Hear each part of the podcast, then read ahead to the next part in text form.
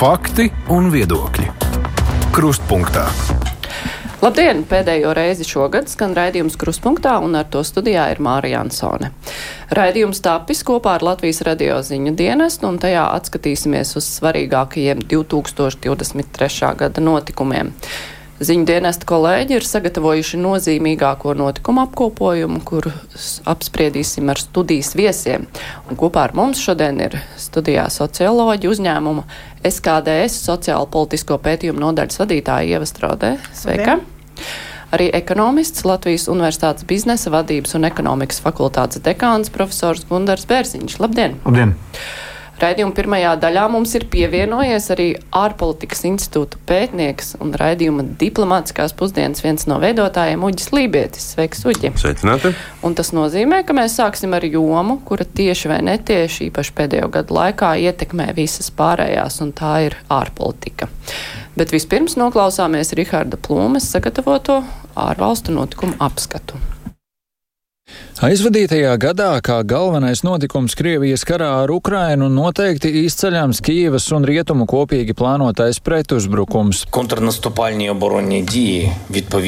Pirmo reizi ziņas par to, ka pretuzbrukums beidzot ir sācies, jūnijā izskanēja no Ukrainas prezidenta Voldemira Zelenska. Tobrīd viņš norādīja, ka visi par notiekošo ir pozitīvi noskaņoti.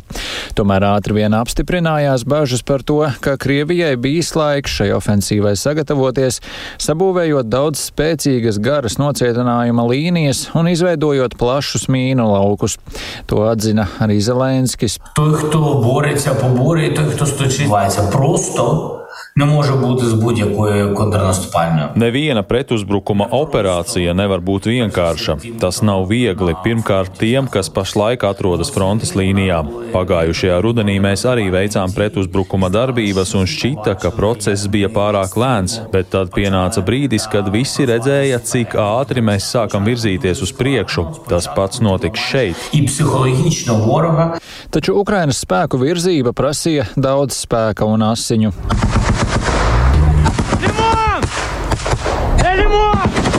Un galu galā šoruden tika atzīts, viss iecerētais nav sasniegts.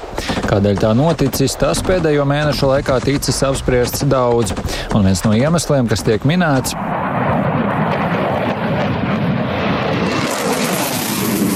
Ofensīvas īstenošana bez aviācijas atbalsta. Ukraina joprojām gaida amerikāņu F-16 iznīcinātājus, kuriem nākamgad būtu jāparādās Ukrainas debesīs. Taču Ukrainai trūks ne tikai spējas gaisā, bet arī vairāk tāldarbības rādījus ar aķešu, vairāk munīcijas un citā aprīkojuma. Un te mēs nonākam pie rietumu spējām apbruņot Ukrainu un tajā pašā laikā nodrošināt savu drošību. Ar šo izaicinājumu līdz šim nav klājies spīdoši. Kamēr Krievija nākamajam gadam paredzējusi milzīgus militāros tēriņus, rietumiem problēmas sagādā militārās industrijas jaudu kāpināšana. Krievijas agresija novadusi pie NATO paplašināšanās. Tieši to, kā apgalvoja Vladimirs Putins, viņš esot vēlējies novērst. Sanācis gan tā, ka Somija un Zviedrija pārskatījušas savu drošības politiku un lēmušas pievienoties aliansei. Svinīgā ceremonijā Briselē Somija aliansē tika uzņemta aprīlī.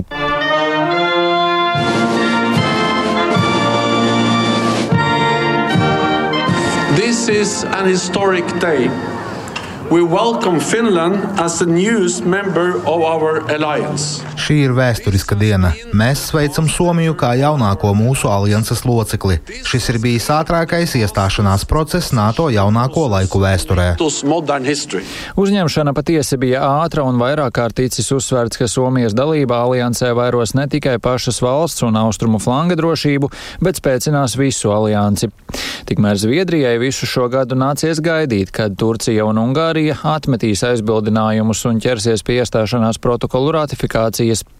Rudens pienāca ar ziņām par vēl vienu satricinājumu pasaulē. Šoreiz tuvajos austrumos palestīniešu teroristiskais grupējums Hamas īstenoja plašu un zvērīgu uzbrukumu Izrēlai, nogalinot vairāk nekā 1100 cilvēku un vēl 250 saņēma gūstā, aizvedot tos uz gāzes joslu. Izraēlas premjers Benjamins Netanjahu ātri vien paziņoja, sācies karš. Israel is at war. Izraela ir karā. Mēs negribējām šo karu. Tas mums tika uzspiests visbrutālākajā un mežonīgākajā veidā. Bet, lai gan Izraela nesāku šo karu, Izraela to pabeigs. Hamas sapratīs, ka uzbrukot mums, viņi ir pieļāvuši vēsturisku kļūdu. Mēs liksim samaksāt cenu, ko viņi un citi Izraels ienaidnieki atcerēsies vēl vairākus gadu desmitus. Uzbrukuma brutalitāte šokēja Izraēlu un pasauli. Pēc teroristu iznīcināšanas Izraēlas teritorijā sākās masveida gāzes joslas bombardēšana. Bet pēc tam arī sauszemes operācija.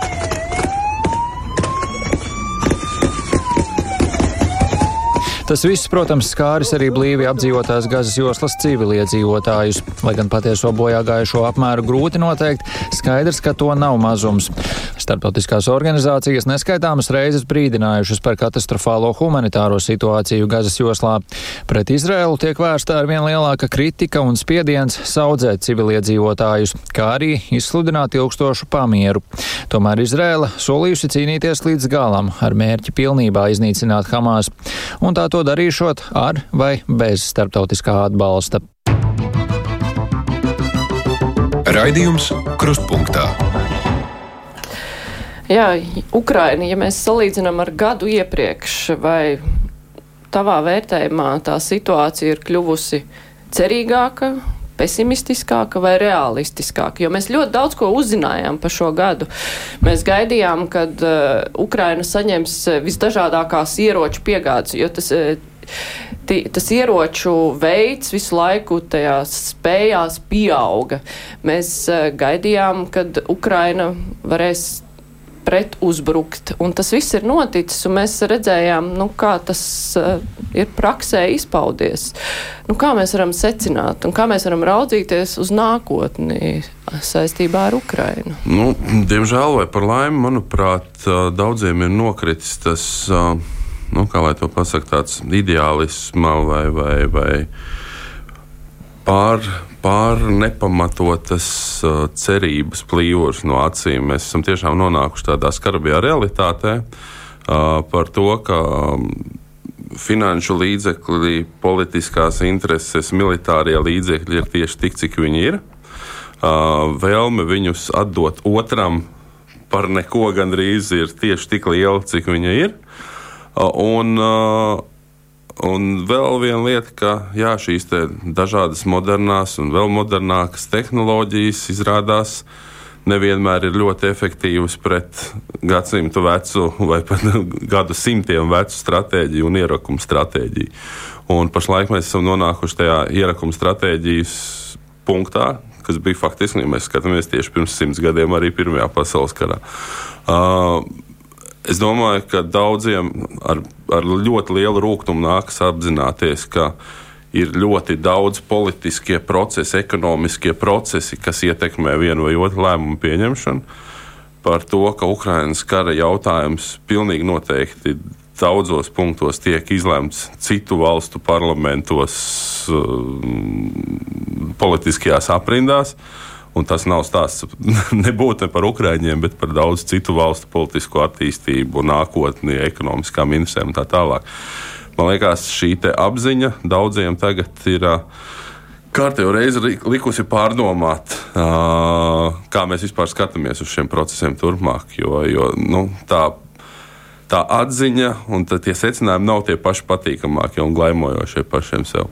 Bet eh, kopumā tavas sajūtas tad ir kļuvušas pesimistiskākas, ieraugot reālo dzīvi? Es no paša pirmā brīža neesmu teicis, ka tas būs ātri, ātri veiksmīgi, un mēs tagad aiziesim līdz kurienei. Es visu laiku bijis ļoti piesardzīgs un nu, pat diezgan skeptisks. Uh, iespējams, ka nu, kaut kāds lielais skepticisms nav iestājies, bet nu, tāda piesardzība ļoti par, par kaut kādām izredzēm, par urā saucieniem un, un, un, un nu, tādu slavinošo propagandu arī no Ukrainas puses, kas, nu, diem, diemžēl, tāda viņa bija. Uh, nu, tas ir druskuļi piesīt, nu, pieplacis, un, un, un tā laikam ir tā skarbā realitāte. Un, uh, man liekas, pirms dažiem mēnešiem vienā vienā ne tā podkāstā, ne tā komentārā redzēju, ka pašos Ukrāņos pieaug tā apziņa, ka jākaro būs visiem. Nu, tā ir laikam tāda viņu arī skarbā dzīves realitāte, kas, kas noteikti iespaido arī to, kā viss notiek ar laukā. Pēc visas uh, dzirdētās Putina kodolieroču žvadzināšanas, draudiem par to, ka pārējā Eiropa arī dabūs trūkties, nu, kādas tad ir mūsu sajūtas, uh, Bērziņkungs? Vai mums ir jābūt apdraudētākai sajūtai? Es uz šo jautājumu, ko jūs tikko uzdevāt, skatītos mazliet no citas aspekta. Tas aspekts ir, ko mēs Latvijā no tā varam mācīties. Un pirmais, ko mēs varētu mācīties pēc manām domām, ir tas, ka cilvēki ir tie, kas veido atšķirību frontē. Otrs, kontakti vai to, cik tev ir atbalstītāji, ir kritiski svarīgi. Un trešais, finanses. Um, nu, nauda ir tas, kas savukārt nodrošina to, ka tev ir pieejams munīcija un tu spēj finansēt šo aizsardzību. Tas ir pirmais, ko es teiktu, kas mums būtu jāsaprot kā sabiedrībai. Ka visi šie faktori, sadarbība, cilvēka gatavība un uh, naudas līdzekļu aizsardzībai ir kritiski svarīga. Tam, tā ir arī prioritāte. Otra lieta ir reāli jārada aizsardzības līnijas. Uh, tas, kas pierādījās Ukrajinā, ka tas tomēr strādā. Ir jāspēj radīt sava, sava ražošanas bāze, iek, nu, teiksim, munīcijai, tas milzīgi trūkst. Un šī ražošanas bāze ir jāaizsargā tieši tāpat kā viens no dārgākajiem resursiem. Noliktavas ir jāsargā. Un ir jābūt ļoti spēcīgai pretizlūkošanai, jo iekšējie draudi ir milzīgi. Es teiktu, ka uh, uz šo situāciju mums jāskatās, kā, uh, paldies Dievam, no mums uh, mazliet atrautu, lai gan mēs esam tuvu, ļoti tuvu, bet atrautu mācību stundu, kas strādā, kas nestrādā un ļoti aktīvi šobrīd darīt tā, lai eh, pat ja tas ir tikai drošības labad, mēs tomēr būtu tie, kas rīkojas. Jo rīcība uh, palīdz cilvēkiem saglabāt to sajūtu, ka mēs situāciju kontrolējam. Ja ir tikai draudi un tu neko nedari, tad, uh, tad uh, nav tālu līdz cilvēki paši sāk izdomāt un faktiski ieiet tādā stresa situācijā. Un stresu mums papildus nevajag. Mums vajag parādīt ar rīcību, ka mēs esam gatavo, nu, teiksim tā, grib novērst karu, gatavojas karam. nu jā, mēs pārmetam rietumiem, amerikāņiem, tepat Eiropas Savienības valstīm, kuras ir tālāk no rietumiem, ka visi ir noguruši no kara. Eiropa ir nogurusi no kara. Mēs esam noguruši no kara. Zināmā mērā, jā, bet nu, mēs redzam arī, ka tā dinamika joprojām ir cilvēki, kuri ziedo, kuri interesēs un redz atšķirībā no tālākiem kariem kā tas varbūt ir rietumos, mēs jau to redzam katru dienu. Ja? Nu, tur jau uh, nu, viņš ir tepat blakus esošs. Ja? Tu nevari par viņu tā vienkārši aizmirst. Jo tās ziņas jau skar nevis par to, vai uh, nu, kaut kādi krievu turisti aizbrauks uz Kuršaveli vai neaizbrauks. Ja? Bet, bet reāli ir. Nu, Tas notiek ar mums, ar mūsu kaimiņiem. Ja? Un, un līdz ar to es domāju, ka tā ir sajūta, tā klātesamības sajūta, viņa nekur nav pazudusi. Ja? Un tas ir cita lieta, ir tas, ka vai šīs trauksme ir uh, produktīva. Ja, vai tiešām tiek pieņemti lēmumi, kas ļauj cilvēkiem saprast, a, ko man tagad darīt? Ja kaut kas notiek, ir skaidrs, ka, nu, kas parādījās jau pēc otrā pasaules kara, mums ir Baltijas jūra, pa kuru mēs varam uh, mukt projām, ja kaut kas notiek. Ko mēs vēl varam darīt? Un tas varbūt ir par to ir ļoti nepatīkami, par to ir sāpīgi domāt, bet varbūt kā, nu, jā, ir, nu, tas jau ir atkal valsts un pašvaldību līmenī jādomā par kaut kādām vietām, kur var satikties, kur ir ūdens, kur ir bumbu patvērsmes un tā tālāk. Jā. Tā kā, tā kā jā. Nu jā. Mūsu nogurums no kara, kas saistās ar stresu, domājot par karu, tā ir cita lieta. Uh, rietumu nogurums no kara saistās ar to, ka negribas dot naudu, tik daudz ieguldīt savus finanses, jo es pieļauju, ka viņi tik daudz nebaidās no tā, ka Krievija patiešām varētu tikt līdz Francijai, ka Krievija varētu tikt līdz Spānijai vai ASV. Un tad ir jautājums, ja pēc diviem gadiem rietumi ir tā noguruši no kara, kas notiks pēc trim, Ko mums gaidīt? Būsim reāli. Eiropa no kara um, atkopās gadus 50, 60. Tad, kad 90. gados bija Bosnijas karš, tad bija lielais pirmais, nu, angļuiski nezinu, pamošanās zvans, modinātājs zvans, ka kaut kas vairs nav tā kā notiek. Tagad mēs redzam, ka kopš tā laika jau 2000. gados jau ir bijuši cik kari, kuros mēs esam aktīvi bijuši iesaistīti. Skatoties to pašu Irāku, Sīriju, tālāk Afganistānu, ir ļoti grūti pamatot droši vien savam vēlētājam, kāpēc mums tā nauda, kas varētu noderēt tev īpaši tādos, varbūt finansiāli nu, spiedīgos apstākļos, kāpēc viņa būtu jādod kādam citam kaut kur. Un, jautājums, vai iedzīvotājiem, vēlētājiem, parastajiem ir izpratne par ģeopolitiskiem jautājumiem, par tiešām kādas ietekmi atstāja uz viņa maciņu vai, vai, vai drošību pasaulē kā tādu. Un, protams, jo tālāk no, no, no Ukrainas šajā gadījumā, jo tālāk mēs esam, jo mazāk tā interese un ieinteresētība. Amerikas Savienotās valstis, nu, būsim reāli, tur šis jautājums ir politiskā tirgus jautājums pašlaik priekšvēlēšana laikā. Nākamais gads noteikti nenāks tam visam pa labu, jo priekšvēlēšana kampaņa būs uz pilnu apjomu, un tas būs viens no centrālajiem jautājumiem. Ticiet man, palīdzēt, nepalīdzēt, kāpēc mēs, ne, ne, mēs jau tagad redzam, kāpēc neceļam un nestiprinam robežu uz Meksikas. Tas pats, kas bija pirms tam, kad ar Trumpu nāca pirmo reizi, šie paši jautājumi bija. Tagad tas būs vēl, lielāk, vēl lielāks jautājums.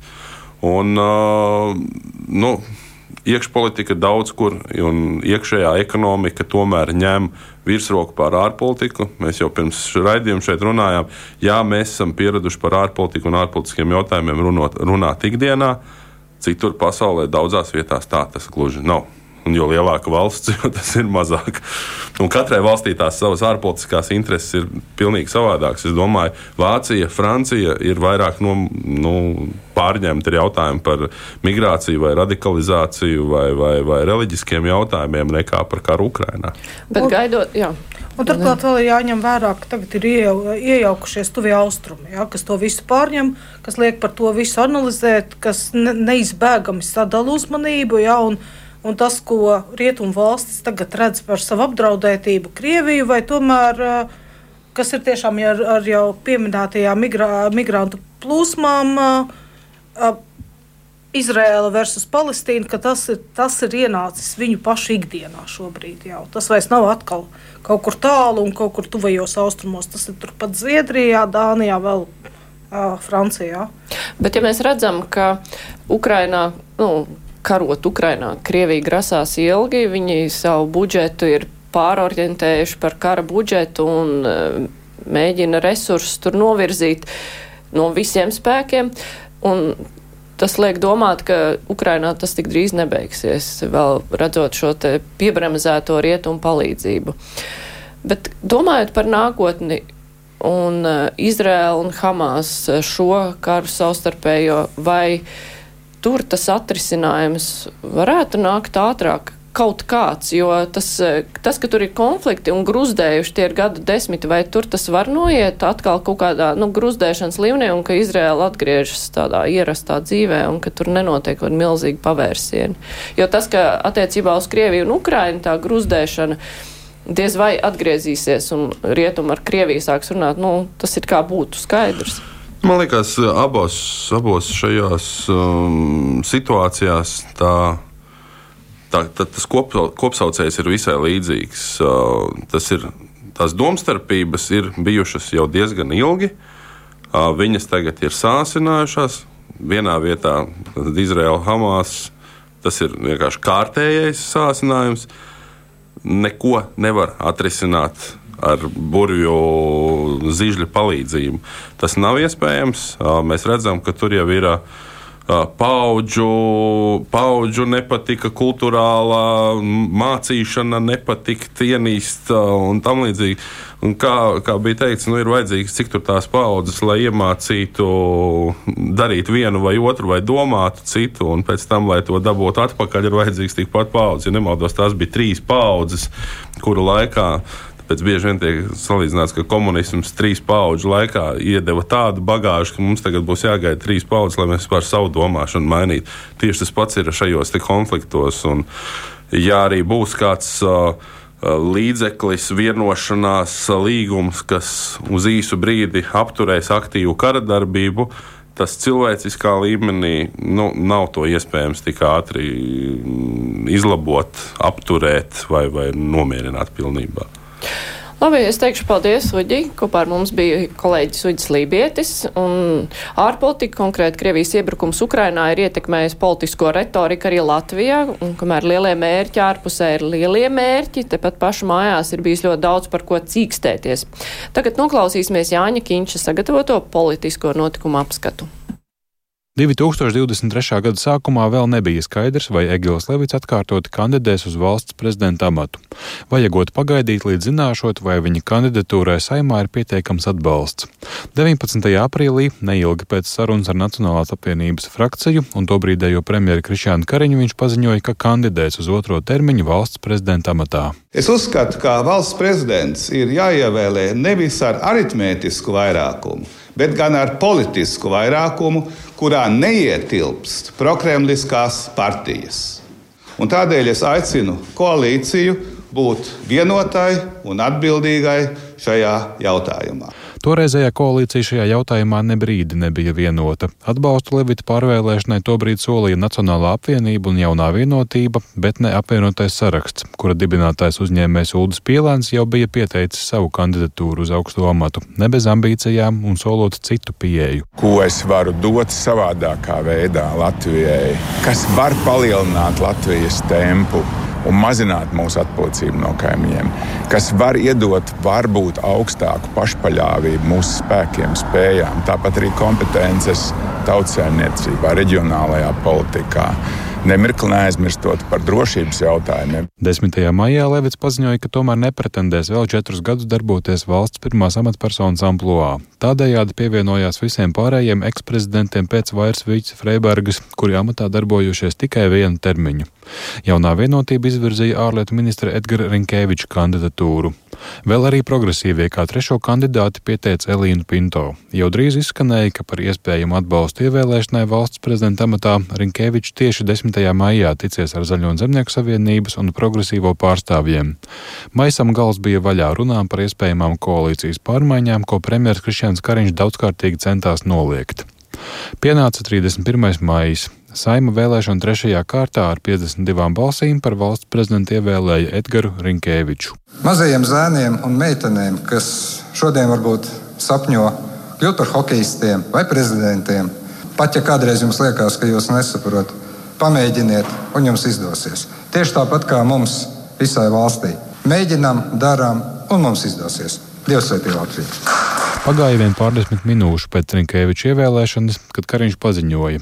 Pēc tam, kad valdības koalīcija nespēja vienoties par vienu prezidenta amata kandidātu, ir vajadzīga saruna par koalīcijas paplašināšanu arī ar Zaļo un Zemnieku savienību un progresīvajiem. Un es aicinu visiem ieelpot trīs reizes un padomāt mierīgi. Es nekādu revolūciju nepiedāvāju. Sākās daudzu nedēļu sarunas un pārunas, bet Kariņam tā arī neizdevās pie viena galda nosēdināt līdzinājās un, kā izrādās, nākamās koalīcijas partnerus.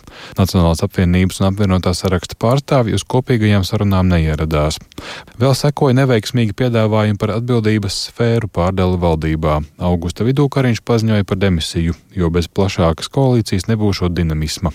Nākamās valdības veidošana uzņēmās toreizējā labklājības ministra Evika Siliņa. Neīstenojās centieni izveidot plašāku koalīciju. Nevēlēšanos darboties kopā ar jauno vienotību ZZS un progresīvajiem komentēja tā brīža saimnes priekšsēdētājs Edvards Smiltēns no apvienotā saraksta. Bija tikai un vienīgi skaidrs ultimāts, vai nu jūs nākat kā ceturtais partneris šajā jau 52 balsu Lemberga koalīcijā, vai jūs nenākat. Gluži kā Egils Levits Ne ar manām rokām. Valdības izveide kopā ar progresīvajiem un ZZS bija salīdzinoši ātra, un vismaz ārēji lietišķi un rīmta, izņemot uzstādījumu par ZZS pietuvinātā divās tiesu instancēs notiesātā Aivara Lemberga līdzdalības nepieļaušanu. Es nekādā gadījumā netaisos pieļaut Aivara Lemberga ietekmi ne tikai saistībā ar piedalīšanos sadarbības sanāksmēs un valdībā, bet arī kopumā vēlos redzēt labas korporatīvās pārvaldības principus arī ministrijās. Vienlaikus tieši atklāsmes kontekstā ar Lembergu pārvilka svītru ZZS frakcijas deputāta Gunāra Kūtra kļūšanai par saimas spīkeru, un šajā amatā ievēlēja viņa kolēģi Daigu Mieriņu. Ja man būtu jāattīst ekonomika, es noteikti saicinātu uz kādu apspriedi Latvijā miljonārus vienalga apsūdzētie, notiesātie, vienalga kā, ar viņiem es aprunātos par to, kur viņi saskata problēmas Latvijas ekonomikas attīstībai. Koalīcija saimā var rēķināties arī ar pie frakcijām nepiedarošā Oļega Burova un no apvienotā sarakstā aizgājušā Igora Rajeva balsi. Vienlaikus no jaunās vienotības frakcijas izslēdz Andreju Ceļapīteru. Savukārt jaunās valdības pirmās simts dienas pagājušas bez skandāliem, pieņemts arī nākamā gada valsts budžets. Ažiotāžu gan raisīja jautājums par izmaksām, Kariņam vēl kā iepriekšējā iepriekšējās valdības vadītājiem ar komandu vairākās vizītēs dodoties ar speciālajiem avioreisiem. Šo praksi pašlaik izvērtē gan valsts kontrole, gan ģenerāla prokuratūra, bet viņš pats uzsvēra valsts premjeru lomu ārpolitikā un no jaunajā valdībā ieņemtā ārlietu ministra amata neatkāpās. Politikas vērotāju esošajai valdībai prognozējuši iespējas nostrādāt līdz 14. saimas pilnvaru beigām. Raidījums Krustpunktā. Atgādināšu, ka skan kruspunktā gada noslēguma raidījums, kas tapis kopā ar kolēģiem no Latvijas radio ziņu dienesta un atskatāmies uz šā gada svarīgākajiem notikumiem. Un mūsu studijā ir socioloģija Ieva Strode un ekonomists Gundars Pērsiņš.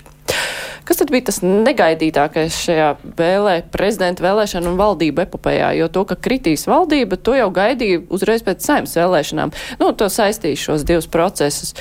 Bet uh, pats vēlēšana rezultāts, prezidenta vēlēšana rezultāts bija pārsteigums, Ieva. Tas viss notika tik strauji. Jo, jo ja par pārējiem runāja ilgi, ilgi, un tad Rinkevičs parādījās pēdējā brīdī.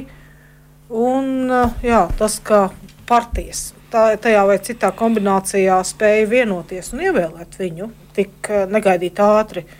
Jā, tas kaut kādā ziņā bija pārsteigums, jo arī nu, mēs redzam, vai, kā jaunā vienotība ziedoja vienus no saviem līderiem. Ja, kā viņa izgāja uz to. Tajā pašā laikā jaunā vienotība, nu, un arī citas partijas, viņi nu, parādījies, es negribētu lietot to vārdu divkosību, bet viņi līdz eh, pašām beigām noliedza acīm redzamo. Nu, to, ka varētu notikt vienošanās par citu valdību, lai gan visi redzēja. Un politiskie konkurenti teica, nu jūs redzat, kas notiek, un vienkārši teica, nē, tas nenotiek, mēs neesam vienojušies. Tās ir kaut kādas tādas jaunas uh, tradīcijas politikā, kuras mēs esam pamanījuši šajā gadā, vai tas jau ir bijis sen un vienmēr? Es domāju, ka tādas aizkulisku sarunas gan ir bijušas sen un vienmēr. Jā. Cita lieta, ka varbūt tāda. Es domāju, tā atklātā noliekšana. Nu, jā, acīm nu, redzamā. Nejauši devās uz ārlietu ministriju, to, to domā. Nu, visu, jo jā, arī jā. saimnes vēlēšana dienā tās sarunas notika riņķi un apkārt un visu laiku prasīja, nu, tā tad jūs esat vienojušies ar to partiju, vienojušies ar progresīviem, vienojušies ar ZZ un tas viss tika noliegts. Uh.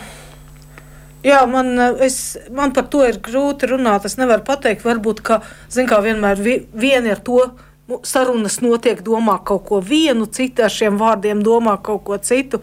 Bet to, tas, ka sarunas notiek visu laiku, jā, nu, par to jau tā kā nevajadzētu būt uh, pārsteigtiem, jo es atceros arī, ka, ka bija šīs problēma, uh, problēmas Covid laikā, kad uh, saimnes sēdes jau notiek, bet saruna tā nav aizkulisša. Tas daudziem bija tāds nu, diezgan nepatīkams blakus produkts tai sēdēšanai mājās. Un WhatsApp chatiņus savukārt kāds varēja pat Jā, ieraudzīt. Tieši tā, WhatsApp chatiņu screenshoti ir. Izklaide, jā. jā, bet nu, tad, ko mēs jau esam uzzinājuši par politiķiem, partijām? Mēs redzējām, ka beigās valdība sanāca tādā sākumā šķietam neiespējamā kombinācijā - jaunā vienotība, progresīvie un zezēs. Pēc vēlēšanām tas šķiet pilnīgi neiespējami. Mēs esam ieraudzījuši izcilu kompromisu mākslu vai kaut ko citu, jūsuprāt? Manuprāt, mēs esam ieraudzījuši, ka mērķis attaisno līdzekļus. Nu, tā ļoti konkrēti ir. Ja mērķis ir būt valdībā, tad līdzekļi šobrīd paliek otrā plānā. No otras puses, ļoti mērķiecīga un racionāla rīcība, nu, teiksim, kur tiek pieņemti lēmumi šī viena mērķa vārdā. Tā kā ļoti lielu pragmatismu um, un savu vērtību zināmā mērā nu, teiksim, palikšanu malā. Milzīgs kompromiss, vai kompromiss vienmēr ir labākais veids, um, nezinu. Nesmu pārliecināts. Manas lielisks piemērs ir Nacionāla apvienība, kur palika, teiksim, nē, nu, mūsu vērtības ir prioritāte. Mēs mērķa vārdā uz kompromisiem neiesim. Ja pastāstīs pēdējos reitingus, tad iespējams viņu rīcība bija nu, tam atbilstoša. Tā kā es teiktu, jā, mēs esam ieraudzījuši godīgi mērķus attaisnot līdzekļus pieeja. Bet jautājums, kas ir mērķis vienkārši tikt valdībā Jā. vai sasniegt kaut ko ar valdības palīdzību, noliekot pie malas kaut kādas tur, nezinu, savstarpējās iepriekšējās nesaskaņas vai kaut ko? Man, man liekas, ka Latvijā īstenībā ir diezgan raksturīgi. Un, teiksim tā, tu iegūsti politisko ietekmi, ja tu esi pie lēmumu pieņemšanas. Un vēlme būt kopā ar lēmumu pieņemšanu, automātiski arī tas noved pie tā, ka tev ir iespējas kaut ko realizēt un iespējas teiksim, savu, nu, saviem atbalstītājiem, piemēram, nodrošināt uh, zināmu nu, teiksim, viņu mērķu sasniegšanu, iz, izmantojot dažādas Eiropas fondus vai vēl kādus atbalsta mehānismus. Uh, nu, tā ir uh, Tā ir eh, praksa, kāda Latvijā ir bijusi domāju, visu laiku, un šī gadījumā ar ko tas daudz neatšķirās. Nu, tas ir, tā ir realitāte, kurā mēs dzīvojam. Vai tas mēs esam ar kaut ko īpaši unikālu un atšķirīgu no citām valstīm, kas strādā nu, teiksim, demokrātijas apstākļos? Pieņem, ka nē. Tā kā, nu, ko nozīmē tas Latvijas iedzīvotājs? Latvijas iedzīvotājs nozīmē, ka mēs esam realitātes pasaulē. Tā ir realitāte, kurā mēs dzīvojam. Un, politiķi šajā konkrētā gadījumā arī ļoti reāli. Bet nav jau tā, ka visi nu, strādā tikai sev. Protams. Visi nu, vajadzētu būt. Vajadzētu būt, ka viss strādā valstī. Un, uh, Bet mēs varam arī redzēt, ko, kas notika. Ir izvirzītas vairākas prioritātes, nu, piemēram, atbalsts, atbalsts uh, uh, teiksim, sadalījums un pārdales tarifu, tarifu, tarifu samazināšanai. Pieņemts Stambulas konvencija, pieņemta izvirzītie mērķi. Faktiski pirmajās simts dienās ir tas, kas ilgu laiku nebija izdarīts, īstenībā ir izdarīts. Tā kā šī koalīcija pārsteidzoši operatīvi atrisināja ilgu laiku neatrisinātās problēmas. Un, zinām, mērā es domāju, ka tas pēc ļoti liela nenoteiktības periodu. Atcerēsimies, iepriekšējā valdība lielā mērā raksturojās ar veselu rindu krīzēm. Sākās, kur mēs esam daudz aizmirsuši, banku krīzi, mēs gandrīz nonācām pelēkā sarakstā. Finanšu, nu, tas faktiski Latvijas finanšu sistēmas milzīga krīze. Tad bija Covid krīze, kur valsts pārņem milzīgu atbildību no iedzīvotājiem uz sevi. Migrācijas krīze bija taču pie Latvijas robežas, karš, energokrīze Inflācija. Inflācijas krīze. Un ko tas viss no, un, pēc būtības Latvijas iedzīvotājiem, vismaz man tā liekas, stāstu, kā man tā liekas, tas asociējās ar diviem cilvēkiem, Kariņu un Levītu, jo tas bija viņu laikā. Un tagad, nomainoties šiem diviem cilvēkiem pie vadības, viņi saka, ir kaut kas jauns. Vai tā ir vai nav, pat nav svarīgi, bet ir kaut kas mainījies. Un otra lieta, šajos visos etapos, krīzēs, kuras tikko nosaucu, milzīga loma tiešām bija valstī. Neproporcionāli daudz kā iepriekšējās, nu, citos gadījumos. Un tagad valsts ir šo atbildību devusi atpakaļ cilvēkiem. Un cilvēki tagad saka, o, daļa no viņiem, o, man tagad atbildība atkal man, es atkal varu brīvi rīkoties, bet ko man tagad darīt? Un es domāju, tādā ziņā kaut kas Latvijas sabiedrībā, man ir tāds sajūta, ir mainījies no šī viedokļa. Valsts ir mazāk atbildīga par tavu likteni un uh, pašiem kaut kas jādara. Un es domāju, tas ir labi. Ir kaut kas mainījies. Viens, es tagad domāju par to pašu lēmumu pieņemšanu, ir tā, ka uh, es negaidīju, jā, ka šī valdība spēs saņemt un pieņemt lēmumus. Ja mēs salīdzinām to ilgo periodu, kā bija nu, draudzīga koalīcija, nu, apvienot Nacionāla apvienība, apvienotais saraksts un lēmumus nevar pieņemt. Ja? Lēmumi tiek bloķēti, kaut kas notiek. Un tagad tā vai savādāk lēmumus pieņem. Ja? Un, un tas droši vien ir pozitīvais. Vai sabiedrība ir gatava uh, pati? Nu, vajadzētu, bet nu, redz, tas liberālais un sociālismā tie sentimenti jau ir klātesoši. Ja? Pr protams, ka ļoti daudzi gribas, lai valsts par tevi parūpējas, tāpat laikā sapīgā realitāte ir tas, ka tu aizej uz poliklīniku un tev saka, nu, nē, nu, mums tur pieraksti būs pēc pāris mēnešiem. Uh, par izglītības kvalitāti nē, nu, nu, pašiem tomēr jādomā, jāmācās, jāalgo privātu skolotāju. Un kaut kādā brīdī tās ir tās ilgas par to, ka tevi aprūpēs un visu nodrošinās, un to, ka tev ir pašam par sevi jādomā. Un tie, kuri neņem visu savās rokās, nu, tiem ir sliktāk. Jā, nu, Tā, tā, bet es nedomāju, ka tas ir licis kādam at, atteikties no tā, nu, ka valsts kā tāda māmulīte paņems un apčubinās. Ja? Protams, ka daudzi, daudzi, daudziem tas sentiments joprojām ir tāds.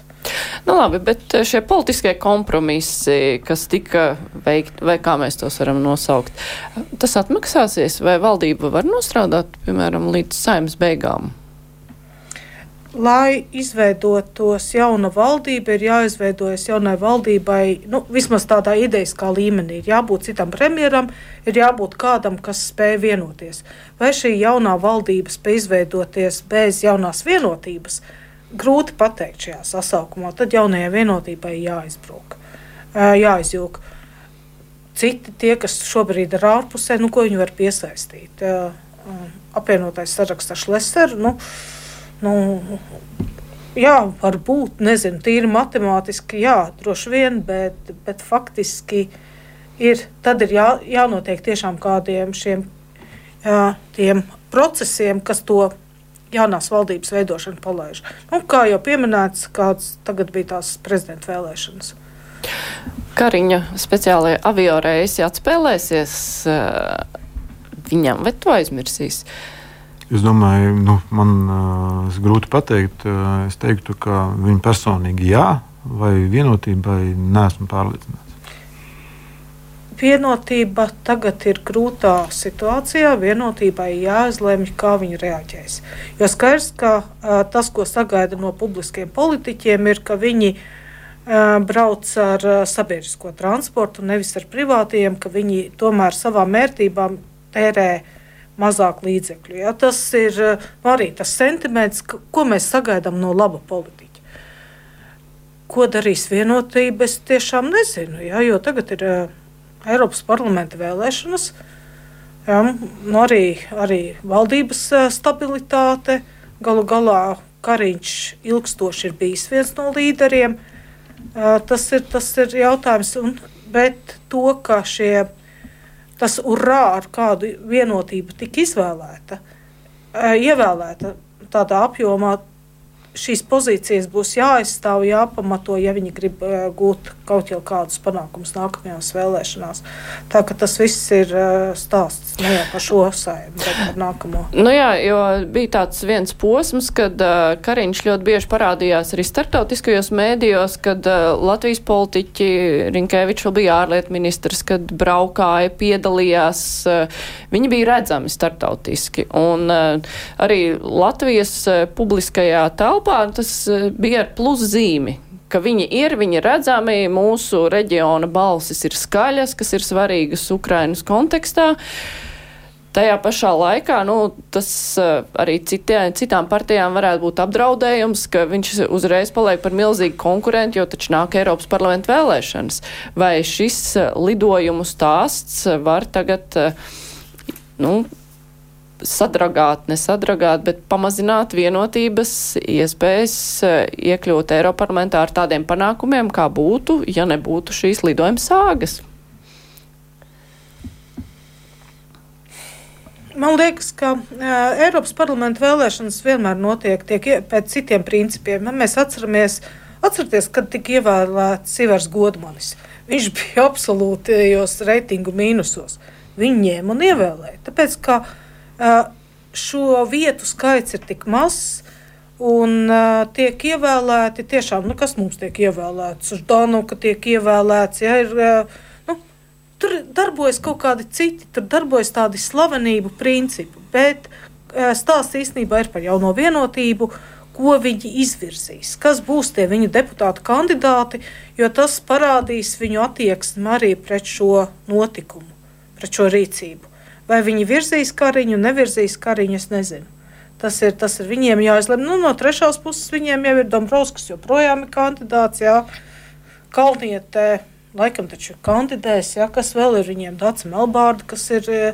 Nu, Klusa gan, bet, bet jā. Vienmēr sakot, lidmašīnas atspēlēsies vairāk iekšpolitiski mēs, nekā. Jā, es mm -hmm. domāju, jo tas ir stāsts tiešām par vienotības principiem un par viņu nu, tādiem publiskās naudas tērēšanas principiem. Te tik daudz par, nezinu, kariņu kā Eiropeisku politiku. Jā, nu par naudu tad mēs arī turpināsim, pareizāk sakot, jau par ekonomiku, jo arī uh, politiskā dzīve ietekmē lēmumus, kas tiek pieņemti ekonomikā. Bet nu, vispirms noklausīsimies Zanas Eniņas sagatavoto ekonomikas notikumu apskatu. Lokālos ekonomiskos procesus Latvijā šogad turpināja ietekmēt globālie, tajā skaitā Krievijas karš Ukrainā un tā izraisīties atricinājumi pasaules tirgū. Lai apturētu ar vien augošo inflāciju, Eiropas centrālā banka turpināja paaugstināt procentu likmes, līdz tās sasniedza nebijušus augstumus, galvenajām refinansēšanas operācijām 4,5%. Kā tas ietekmē inflāciju Latvijā, stāsta SEB bankas finanšu tirgus pārvaldes vadītājs Andris Lāriņš. Mums vēl šī gada sākumā gada inflācija bija 21%, un novembrī šī inflācija bija jau nokritusi līdz 1%. To es gribētu teikt saistībā ar procentu likmēm, jo tieši šīs augstās inflācijas dēļ Eiropas centrālā banka cēla procentu likmes, un inflācijas straujais pazeminājums ir tas galvenais iemesls, kāpēc procentu likme celšana ir apstājusies. Eksperts norāda, sanākušas tādas kā šķēres, proti, ja gada sākumā iedzīvotāju naudas makus strauji tukšoja cenu kāpums un inflācija virs 20%, tagad cenas vairs nekāpja tik galvi reibinoši strauji, taču daļai kredītņēmēju makus krietni tukšākus padara joprojām augstās procentu likmes. Ar šo apstākli cieši saistīts vēl kāds šī gada notikums ekonomikā un vienlaikus politikā. Valdības un likumdevēja lēmums izrādīt pretimnākšanu hipotekāro kredītu ņēmējiem, bankām uzliekot par pienākumu maksāt pagaidu nodevu tieši šim nolūkam. Šī lēmuma pamatā ir banku gūtā virspēļņa, Kā liecina Latvijas bankas dati, banku sektors šogad deviņos mēnešos strādājis ar peļņu virs 564 miljoniem eiro, kas ir 2,6 reizes vairāk nekā tādā pašā laika posmā pērn.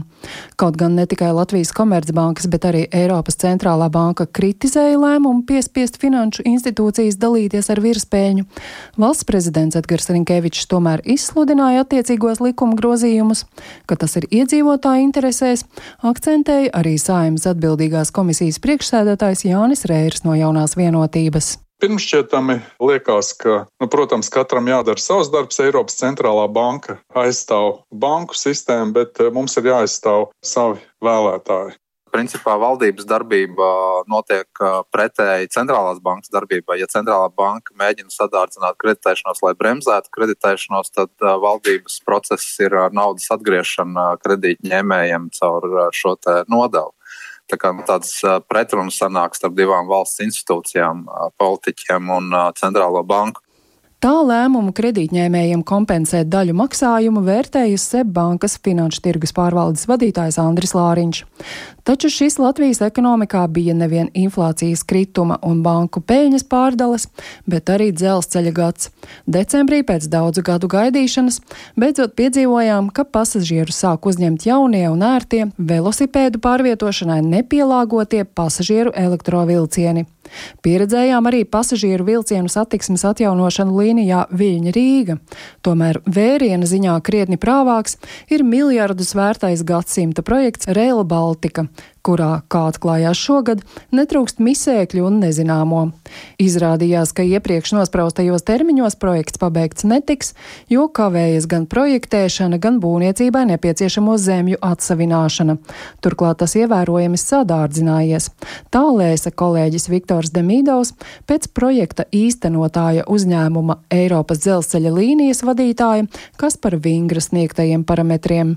Mēs varam mēģināt rēķināt pēc vidējām izmaksām, kas šobrīd ir Eiropā. Un vidējās izmaksas Eiropā ir aptuveni 30 miljoni par kilometru. Līdz ar to nu, tā matemātika ir ļoti tuva tam, par ko šobrīd nu, publiski izskan kā iespējamās izmaksas. Tā saka Eiropas dzelzceļa līniju vadītājs Kaspars Vingris. Tā kā Latvijā taisās izbūvēt vairāk nekā 260 km sliežu, pēc Vingra nosauktajiem skaitļiem rupi rēķinot sanāk, ka Real Baltica projekts Latvijā varētu izmaksāt vairāk nekā 7,8 miljardus eiro, kas ir vismaz par 2 miljardiem eiro vairāk nekā sākotnēji lēsa par trim Baltijas valstīm. Tikmēr Latvijas, Lietuvas un Igaunijas valsts kontrolieri parakstījuši sadarbības līgumu par būtiskiem aspektiem un problēmu jautājumiem Real Baltica projekta īstenošanā un finansēšanā. Proti, sadarbojoties Latvijas, Igaunijas un Lietuvas valstu augstākajām revīzijas iestādēm, tiks veikta situācijas izpēte par šobrīd būtiskiem projekta īstenošanas, finansēšanas un pārrobežu sadarbības jautājumiem. Aptuvenais izpētes noslēguma termiņš 2024. gada vidus. Zana Eniņa, Latvijas radio. Jā, par kuriem procesiem, lēmumiem tad uh, mums nāksies daudz domāt arī nākamgad? Varētu nākties, vai tie ir tie, kas skar kredītņēmējs, bankas, varbūt Real Baltica? Kā šobrīd izskatās? Kas ir tādi ilgspēlējoši tālie lēmumi? Ilgspējošie, ilg, ilgspēlējošākie lēmumi, protams, būs um, Real Baltica jo banku krīze, nu, teiksim, procentu maksājuma krīze droši vien nākošais gads samazināsies, inflācija būs būtiski zemāka. Vairāk nespēlēs tik lielu lomu. Bet banka saka, ka tas tirgu ietekmēs spēcīgi šie lēmumi, jo nevar uzticēties valstī. Um, ietekmēs, bet tas, tā ietekme nebūs tik, no, tik liela, vismaz pēc manām domām, kā tagad mēģina to teikt. Jo um, faktiski globāla ekonomiskā situācija ietekmē šos jautājumus daudz vairāk nekā šādi lēmumi. Un, uh, tas var nedaudz sadārdzināt uh, mūsu procentu likmes, bet, ja būsim godīgi, tad uh, mūsu atrašanās tuvāk uh, ļoti nestabilam kaimiņam šīs procentu likmes sadārdzina vēl vairāk. Um, šis jautājums um, ir problemātisks, bet viņš nav tik problemātisks kā citi jautājumi. Bet uz Latvijas nu, teiksim, ilgtermiņa budžetu tieši šie lielie projekti atstās iespēju. Jo no, kāpēc viņi atstās iespēju? Jo mums jāsaprot, ka IKP vai ekonomikas izaugsme nākošais gads, kas ir plānota pēc Latvijas bankas par vismaz 2%, ir būtiski atkarīga no diviem faktoriem. No iedzīvotāju patēriņa, cik daudz tērēsim naudas, pērkot dažādas preces un pakalpojumus, un no Eiropas Savienības investīciju projektiem, tā skaitā Real Baltica, lai mums būtu nauda, ko tērēt. Jo tas tieši atstāja iespēju uz IKP.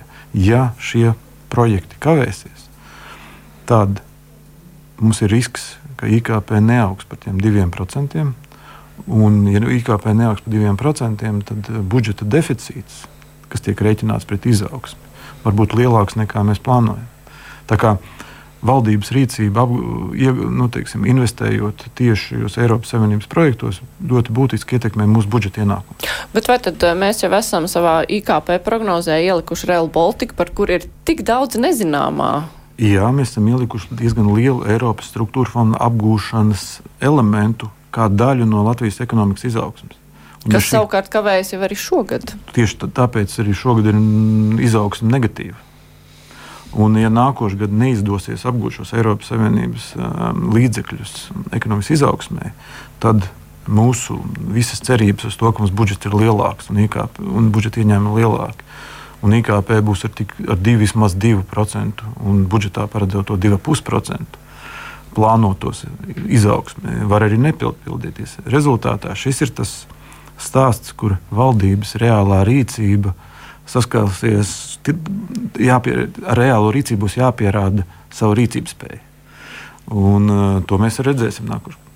Nu jā, trakākais, ka tur ir iesaistīta ne tikai valdība, bet tur arī ir tie praktiskie darbi, kurus valdība pat varbūt nevar pasteidzināt vairs un uh, sekmēt šo naudas. Realitāte vienmēr ir saistīta ar praktiskiem darbiem, nevis teorētiskiem runām. Jā, bet, uh, nu labi, ja mēs vēl, vēlreiz atgriežamies pie lēmuma par kredītņēmējiem, vai šis lēmums kopumā ir radījis iedzīvotājiem nu, tādu iespēju, ka valdība rūpējas par viņiem? Nevis, eh, nu, ka valdība ir aroganta un vispār neinteresējas domāju, par to, kā cilvēks tur ir jāskatās, uz cik lielu daļu tas skar. Jā, jo ir skaidrs, ka tajā brīdī jā, ir pietiekami daudz cilvēku, kuriem, kurus pašus tas neskar. Jā, un viņi skatās atkal no mūsu kopas naudas, atdot kaut kādu naudu tiem, kuri tāpat, es ar ironiju saku, buržuji, paņēmuši lielus kredītus un tagad vairs netiek galā. Vai cilvēki, kur paši no tā nesaņem, ir gatavi bezgalīgi daudz dot citiem, tā solidaritāte ar šo grupu. Nu, grūti pateikt. Mēs vismaz tajās uh, sociālajos tīklos redzam, ka uh, nebūtu visi neatbalsta šo it kā labo lēmumu.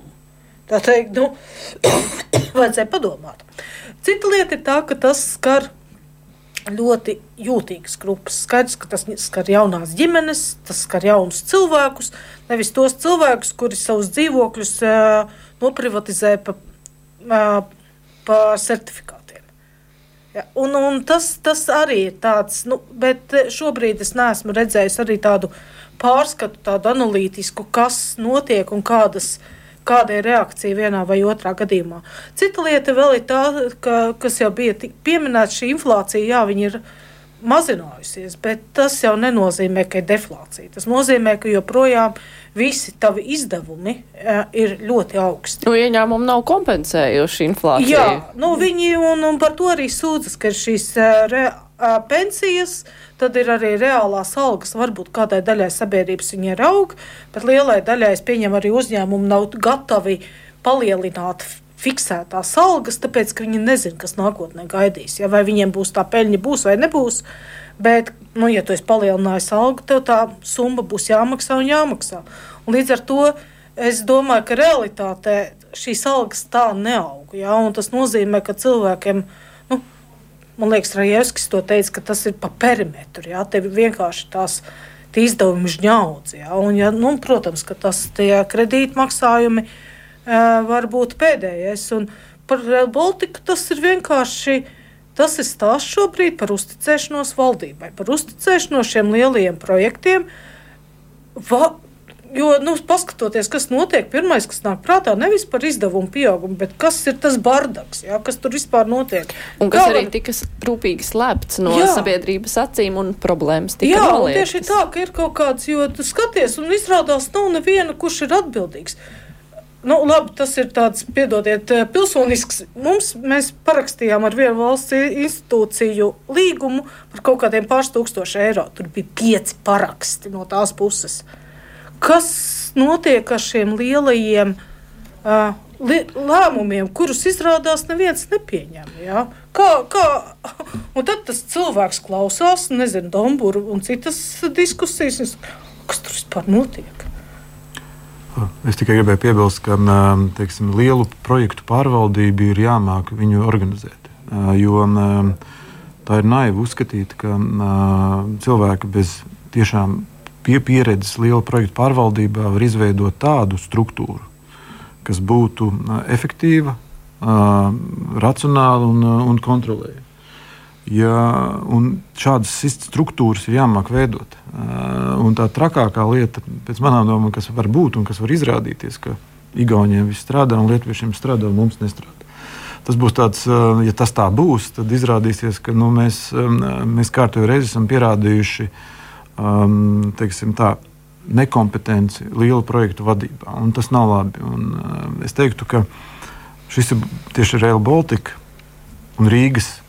Rīgas posma iesaist un lidostas iesaist šajā teiksim, visā projektā um, ir tāds um, šī brīža valdības tāds, um, nu, teiksim, šīs valdības kvalitā, darbības kvalitātes indikators. Ja tur viņas izdosies to jautājumu sakārtot, tad es domāju, ka varēs teikt, ka jā, šī valdība tiešām strādā. Ja tas neizdosies, tad mēs atkal ieiesim tādā negatīvā spirālē. Bet man vēl ir cerība, ka viņiem izdosies. Jā, bet mēs jau pieminējām inflāciju, kas ir nobremzējusies ļoti labi. Tajā pašā laikā cilvēku ienākumi nav izauguši līdz iepriekšējiem līmenim, bet raugoties uz prognozēm, kā ekonomika varētu attīstīties, nu, kad mēs varētu atgriezties tajā iepriekšējā labklājības līmenī vai arī nu, pašreizējā situācijā, pasaules situācijā, tas jau ir kļuvis tāds pārāk neprognozējams jautājums. Nu, ir dažas lietas, kas izskatās, kas ir prognozējamas, ka šīs procentu likmes no gada otrā pusē varētu kristies. Viņas sāks krišana, tiek prognozēts, ka ASV viņas sāks kristies ātrāk, un Eiropā mazliet vēlāk, bet tomēr ir paredzēts šo procentu likmu samazinājums. Pakāpenisks, bet samazinājums. Tas nozīmē, ka būs vieglāk maksāt šos kredītlīdzekļus. Bet tā sliktā lieta ir tajā, ka šī procentu likuma samazināšana ir saistīta ar Eiropas lielo ekonomiku bremzēšanos. Tas ir Vācijas un Francijas ekonomikas bremzēšana. Un, kā mēs zinām, Vācija un Vācija sevišķi ir mūsu viens no lielākajiem uh, tirgiem, kur mūsu produkcija tiek eksportēta. Vienlaicīgi uh, Latvijā tomēr auga pieaugums ir. Un, ja šogad viņš ir plānots apmēram 11,5% algu pieaugums. Bet vidēji. tas ir vidējais. vidēji. Un nākošais gads ir apmēram 7%. Tiek prognozēts algu pieaugums ap, ap 7%. Tad tā, un ja uzņēmumi nepaukstina produktivitāti, tad faktiski mūsu uzņēmumu konkurētspēja globālajos tirgos samazinās. Un, ja samazinās uzņēmumu konkurētspēja, tad um, šobrīd tas tiek kompensēts uz teiksim, peļņas un uzkrājuma rēķina. Tad ilgtermiņā tas nozīmē to, ka uzņēmumiem nebūs naudas investēt attīstībā. Un tas ir, ir viens no riskantākajiem situācijām, ka Latvijas uzņēmumu konkurētspēja globāli var samazināties šajā situācijā. Ko darīt? Ir pilnīgi skaidrs, ka ir nepieciešams atbalsta politika tieši produktivitātes veicināšanai, eksporta spējas veicināšanai. Tas nozīmē to, ka šis augsts pievienotās vērtības produktu ražošana ar augstu produktivitāti, tas ir viena cilvēka, kas katrā savā darba stundā spēja radīt lielāku pievienoto vērtību. Tas uzņēmums spēja savu produkciju pārdot dārgāk un vairāk, gan dārgāk, gan vairāk. Ja nebūs šīs ekonomikas politikas, kas to veicinās, sākot no nodokļu politikas, dažādiem investīciju atbalsta politikām un, un, un tieši inovāciju atbalsta politikām, tad uh, mūsu ekonomikas izaugsme ir zem liela riska faktora.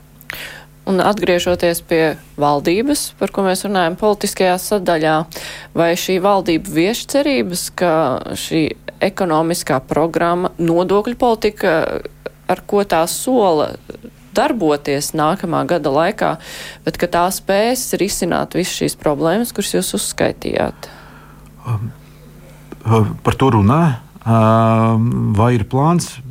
Nē, esmu redzējis. Un, uh, kas man darīja bažīgu, ka tajā visā darba uzskaitījumā, par ko bija vienojusies valdība, ekonomika, tur, bija, tur pat nebija pieminēts dinamisms, kas bija iepriekšējais. Šī ekonomikas prioritāte izskatījās, ka viņas nav, man liekas, ka lielā mērā nav, viņas nav tieši tāpēc, ka nav viss skaidrs, ko darīt.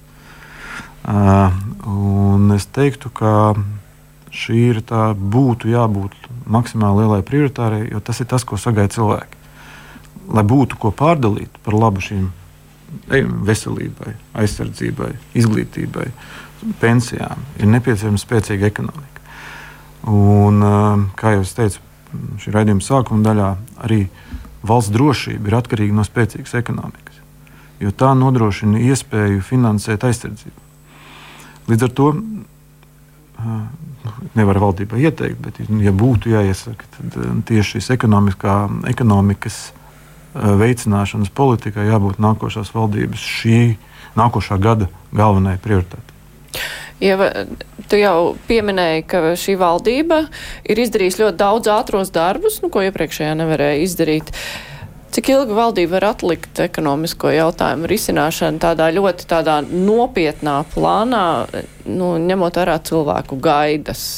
Cik ilgi var pietikt ar to, ka tiek izpildīti šie te? Mēs redzam arī pie tiem mūsu regulāriem pētījumiem, nu, kas ir tas saucamais barometrs, ka īstenībā ekonomiskie procesi tiek vērtēti ļoti kritiski. Ja? Un, un tas, ja cilvēki uzskata, ka ekono, ar ekonomiku iet slikti un nākotnē nekas labs nav gaidāms, tas nozīmē, ka tas ir nu, tā uzticēšanās arī tiek ietekmēta. Ja? Un tu nepaļaujies. Un, Tu nezini, kas būs līdz ar to pateikt, ka ir kaut kāds vēl laiks uz priekšu, ko, kura laikā var darīt neko. Uh, Uh, nu, nav tā, tas jau to jau vakar vajadzēja izdarīt.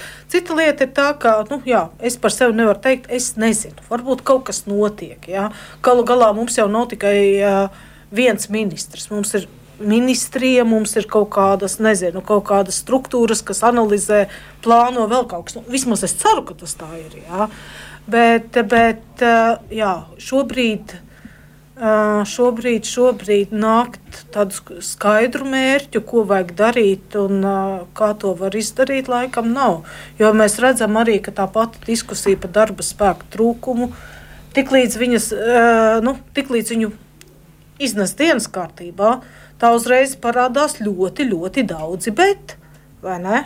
Kā mēs to, to darba spēku te, uh, nu, labākais, ko var izdarīt, varbūt ir, lai nebrauc projām. Ja, jo tiklīdz kaut kas, ko vajadzētu piesaistīt, uzreiz parādās ļoti lielas, jau cita līmeņa, ļoti, jau cita līmeņa iebildumi, ja, ka, kam vairs ar ekonomiku nav nekāda sakara.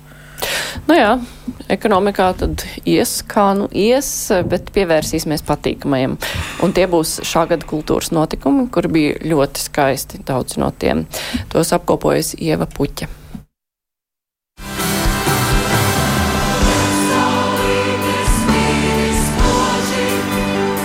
27. vispārējos latviešu dziesmu un 17.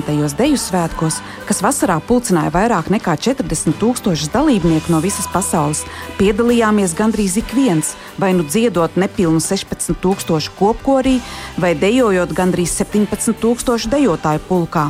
Varbūt apmeklējot kādu no grandiozajiem koncertiem neilgi pirms svētkiem pabeigtajā estrādē Sidraba Bīrzes vai kādu mazāku koncertu izstādi vai tirdziņu, ar ko bagātīgi bija papildināta svētku programma. Kā startautisks izcilības apliecinājums Latvijas kormūzikas kultūrai, bet nu jau profesionālā līmenī, Oktobrī izskanēja ziņa par prestižās britu žurnāla gramofona gada balvas piešķiršanu dziesmu svētku virsdiriģenta Sigvarda Kļavas vadītajam Latvijas radiokorim kategorijā labākais kormūzikas albums. Apbalvojums, kas pielīdzināms kino nozares Oskaram, pasniegts par ierakstu John Cage Coral Works.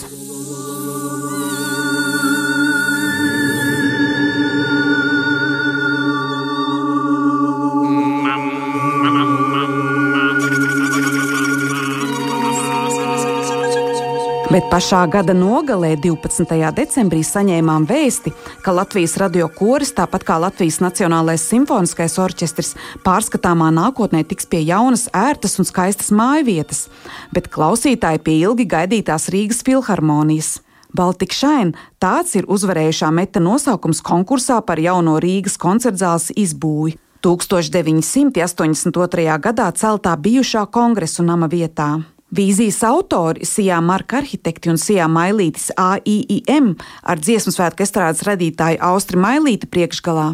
Rīgas filharmonija raksturoja kā gaišu un mirdzošu vietu ar lielisku akustiku.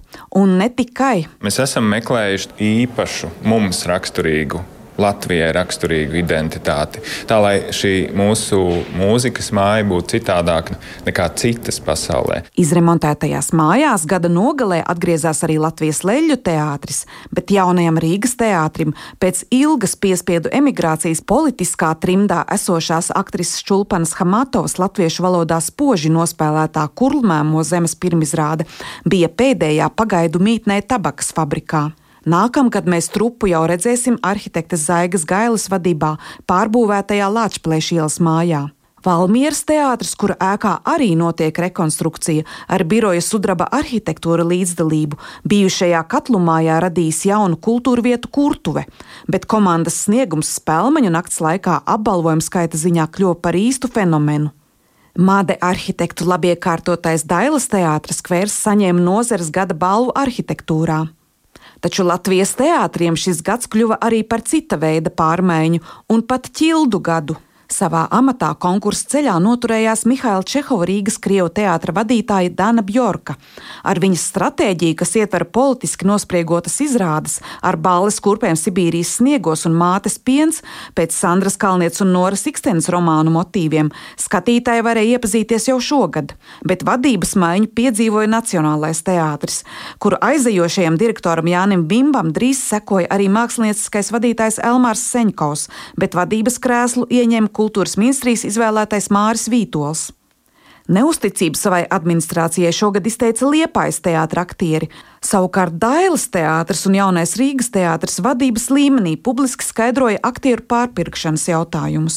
Taču pavisam bēdīgs šī gada sākums izrādījās Ogres vēstures un mākslas muzejam, kur pēc Krievijas prezidentam Vladimiram Putinam pietuvinātā Piotra Avena porcelāna kolekcijas izstādes atcelšanas Nacionālās apvienības pārstāvja Egila Helmaņa vadītā novada doma sāka izrēķināšanos ar dumpīgajiem darbiniekiem. Ziņa no direktoras divas iepriekšējās dienas bija dziļās pārdomās, rakstu atlūgumu. Ātrāk par mēnesi mani nekur nelaidīs. Visa šī nemitīgā atrakstīšanās, atšaudīšanās, atbumbošanās man vairs nav pieņemama. Visam ir robežas. Gan sabiedrisko attiecību speciāliste Inga Zvirbule, kura konfliktu skaidroja medijiem, gan direktore Evija Smiltniece, gan lielākā daļa muzeja darbinieku ir devušies prom. Šis gadījums Latvijas muzeja biedrību rosinājis kultūras ministrijā iesniegt priekšlikums muzeja likumā, nosakot, ka politiska, ideoloģiska vai reliģiska iejaukšanās muzeja pamatu funkciju īstenošanā ir nepieļaujama. Tikmēr Ogres novada doma muzeja direktors amatā apstiprinājusi eksotisko deju centra Alegrija vadītāju Ilzi Zariņu, bet par viņas vietnieku zinātniskajā darbā mēra Helmaņa partijas biedru vēsturnieku Ritvaru Jansonu. Pēc 12 gadiem Nacionālās apvienības dominants kultūras ministrijā šogad gan ir beigusies. To vada Agnese Logina no progresīvajiem. Nesen arī uzzinājām, ka uz jautājuma zīmes ir Raņu un Aspazīs muzeja pastāvēšana Kastaņolā, Šveicē. Toties noslēgusies pirms desmit gadiem sāktā Rīgas pils kasteles atjaunošana. Nākamgad pilī atgriezīsies postošajā 2013. gada ugunsgrēkā cietušais Nacionālais vēstures muzejs. Bet Kuldīgas vecpilsēta turpmāk varēs lepoties ar iekļaušanu UNESCO pasaules mantojuma sarakstā. Tikmēr Latvijas kino, mākslas un literatūras nozares šogad mediju viesrakstos ir pārstāvētas mazāk. Nebijis precedents ir vienīgi draudi dzimumu identitātes tēmē veltītās bērnu grāmatas tur lejā tulkotājai Signē Viškai. Simto jubileju atzīmēja ikoniskais kinoteātris Splendid Palace, bet desmito Rīgas starptautiskais kinofestivāls. Latvijas māksla, filmu nozara un rakstniecība turpina pierādīt konkurētspēju arī ārzemēs. Ieva Puķa, Latvijas radio. Raidījums Krustpunktā. Mums attālināti ir pievienojies kultūras žurnālists un komponists un vienlaikus Smiltenes kultūras nama vadītājs Edgars Straginskis. Sveiks, Edgar, vai tu dzirdi mūsu? Sveiciens, tikai precizēšu, es neesmu Smiltenes kultūras nama vadītājs, es esmu Smiltenes novada kultūras un turisma pārvaldes kultūras jomas vadītājs, tādēļ es pāraugu kultūras jomu visā Smiltenes novadā. Pārēnē, paldies par precizējumu. Bet uh, mēs jau dzirdējām Ievas puķis sagatavotajā uh, materiālā. Tur ir ārkārtīgi daudz kultūras notikumi, kas katrs par sevi runā, kas ir, ir bijuši ārkārtīgi skaisti dziesmu svētki. Um, ir arī daļa, daļa, kas ir palikuši ar tādu sāju garšu, kas uh, skar. Uh, atsevišķas kultūras iestādes. Vai tavā atmiņā 2023. gads paliks ar to skaisto vai ar to sājo? Vai ir kāds eh, noteikts notikums, kur tu gribētu izcelt? Es sākumā gribētu pateikt lielu paldies Ievai Puķei par uh, neiespējamo misiju, proti, apkopot uh, tik bagātīgu notikumu un dažādu norišu rāžu vienā ļoti lakoniskā sižetā. Uh, tā kā dzīvē, tā arī kultūras jomā konkrēti nav iespējams pieslēgties vienai vai otrai tendencei, ja vien tu neesi pats tendenciāls noskaņots. Tātad man paliks gan ar sāju, gan arī ar saviļņojošu noskaņu viss šis 2023. gads. Nu, protams, centrālā doma man ir tā, ka viens politiskais spēks ir zaudējis zaudējis kontroli pār kultūras ministriju, ir pārgājis eh, cita politiskā spēka pāraudzībā. Nu, skatīsimies, kā mainīsies eh, kultūra politikas eh, nostādnes un kultūra politikas realizācija 2024. Bet, nu, ja mēs raugāmies, kā kultūra vispār dzīvo, ir viena lieta tā kultūra politika, un otra lieta ir paši kultūras darbinieki, kuri bieži vien spēj dzīvot neatkarīgi no tās kultūra politikas un radīt un darīt.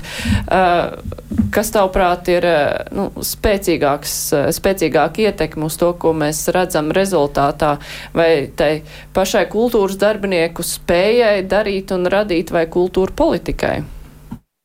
Nu, man negribētos, eh, ka mēs ceļot kultūras darbiniekus uz piedestālu, viņiem arī iepriekš nosakām kaut kādu noklusējumu spēju darboties neatkarīgi no kultūra politikas, eh, bezzobainības vai stingras un eh, jēgpilnas kursa apziņas. Tāpēc, ka tādā veidā mēs tikai veicinām kultūras darbinieku profesionālo izdegšanu un sava darba nenovērtēšanas tālāku eskalāciju. Tādēļ man gribētos, lai mēs tomēr uztvērtu visu mūsu kultūru politiku un kultūras jomu Eh, kā savstarpēji integrētu, cēloņu sakarīgu un eh, kaut arī hierarhiski subordinētu, tomēr vienlaikus arī eh, savstarpēji sadarboties spējīgu organizāciju vai jomu. Un domājot par nākamo gadu, ja iepriekšējo nu, daudz atcerēsies, kā dziesmu svētku gadu, mums ir bijuši arī bagātīgi kino gadi, it īpaši ap Latvijas simtgadi. Kas varētu būt nākamais gads? Es labprāt no, no sākuma tomēr eh, pieķertos eh, tiem ievas eh, pieminētajiem notikumiem, arī tevis, Mārta, tikko pieminētajiem, jo mm, ir tieši mūsu dažādu kultūru zīmolu un kultūra tradīciju kontekstā ļoti rūpīgi jāizvērtē tā pozitīvā un emocionāli piesātinošā dimensija un problemātiska vai problēmu akumulācijas teritorija, kur mēs tikai ar vien vairāk sarežģām mūsu dzīvi, domājot dažādas fikcionālās kategorijas kategorijās. Ja mēs runājam par vispārējiem latviešu dziesmu svētkiem, un tur arī sižetā izskanēja, ka teju katrs piedalījāmies, teju katrs izbaudījām, un tad tiek minēti skaitļi ar 11,000 eh, dejotāju, ar eh, cik tur tūkstošiem dziedātāju un ar x tūkstošiem apmeklētāju. Mums vajadzētu kritiski palūkoties, vai tiešām šobrīd šādā iterācijā, šādā veidolā dziesmu un deju svētki apmierina eh, tā primāra adresāta dalībnieka, jeb, kā izteicās mūsu diasporas pārstāvji, darītāju vēlmes. Neiedziļinoties tālāk, jo nav mums tam laika šajā reizē es tomēr gribētu eh, pievērst uzmanību, ka um, kritiska tradīcijas analīze nenozīmē kaut kādu destabilizāciju un ignorēšanu, bet gan tradīcijas pielāgošanu pašreiz dzīvojošo cilvēku vajadzībām. Lai tas ir tik eh, triviālās niansēs, kā dziesmu svētku izstrāde, kur teiksim, viena uh, dalībnieku daļa ir pat, pasargāta zem jumtiņa, bet cita daļa dīvainā kārtā tieši sievietes, starp citu, ir sadzītas teritorijā, kur viņām vai nu spīd virsū saule vai līst lietus, bet tas lai paliek uz arhitektu sirdsapziņas. Uh, katrā ziņā uh, kultūra politikas eh, vēsmas no 2023. gada. Man gribētos cerēt, ka 2024. gadā mēs nepieredzēsim kā, eh, kā neprofesionāls, eh, tendencios un autoritārs vienas pašvaldības vadītājs ar vieglu roku cērtot no pleca, iznīcina veselu kultūra institūciju, pēc tam cenzē citus cilvēkus. Man kā cenzūras pētniekam tas ir, protams, ļoti pikanti un interesanti, bet uh, viņa politiskā spēka pārstāvi, kuriem taču jābūt par nacionālām interesēm, tātad arī par mūsu nacionālo identitāti, kaut kā ļoti ļoti mazdūšīgi klusē. Nu, tas, lai paliek uz politiskā spēka pārstāvju pleciem, bet mūsu demokrātiskās uh, valsts un mūsu konstitūcijā ierakstīto tiesību realizāciju mums jebkat, uh, jebkurā jomā, un īpaši kultūras jomā, tomēr vajadzētu uzsvērt. Jo kultūra ir mūsu pamats nevis tajā ziņā, ka tā ir parādes uh, un tāda uh, dekoratīva funkcija, bet kultūra ir sākas katra mūsu ģimene un ietekmē to, vai mēs nākotnē pēc simt gadiem sauksim sevi par latviešiem, vai šeit mūsu vietā dzīvos kāds cits. Paldies, Edgars! Ar labām cerībām tad raudzīsimies nākotnē. Kopā ar mums bija Edgars Stragīnskis, kultūras žurnālists un komponists. Bet mēs pievērsīsimies vēl vienai jomai, kas ir daudz prieka sagādājis šogad, un tas ir sports. Tagad uh, klausieties Mārtiņa Kļavanieka sagatavoto ierakstu. 2023. gads sākās ar visu laiku augstvērtīgāko sasniegumu pašmāju distanču slēpošanā. Patricija Eiduka izcīnīja augsto piekto vietu prestižā Tour de Ski seriāla posmā. Februārī notika viena no skaļākajām un kvalitatīvākajām pārējām vietējā futbolā, kad virslīgas čempionu Valmieras labākais vārtu guvējs Raimons Krollis pievienojās tobrīd Itālijas augstākajā līgā spēlējošajai spēcija komandai. Latvijas futbola izlase šogad zaudēja zaudēja deviņās no desmit aizvadītajām spēlēm, un tas lika Latvijas Futbola federācijas valdei atlaist no darba izlases galveno treneri Daini. Kazakeviču. Sporta karaliene vieglatlētika šovasar savus spilgtākos pārstāvjus pulcēja Budapeštā, kur notika pasaules čempionāts. Tajā no Latvijas vislabāko rezultātu sasniedza šķēpmetēja Anete Sietiņa, kura vēl ar pēdējo metienu varēja izraut bronzu. Beigu beigās ceturtā vieta.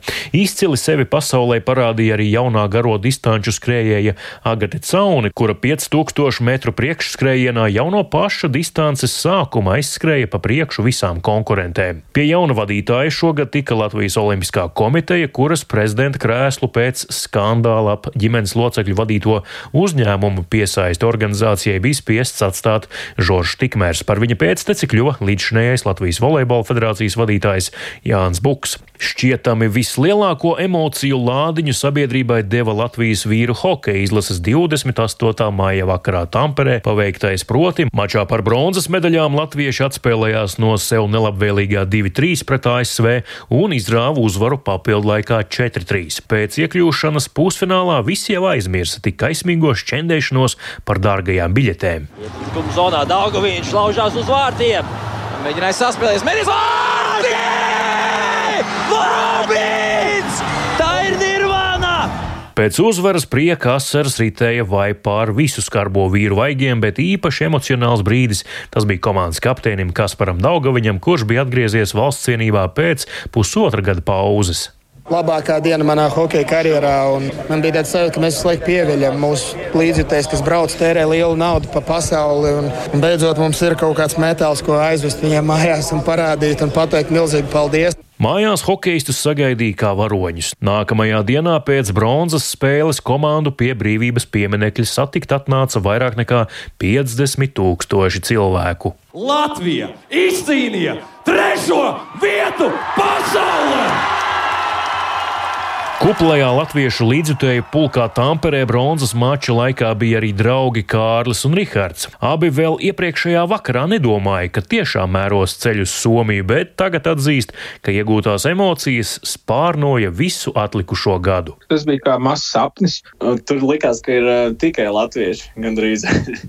Tā bija ļoti liela eiforija. Mums bija lielais karoks virs galvas, un uh, likās, ka vai tiešām, nu, vai tiešām es nesapņoju. Ja, jānosauc laikam uh, šī gada spilgtākais notikums.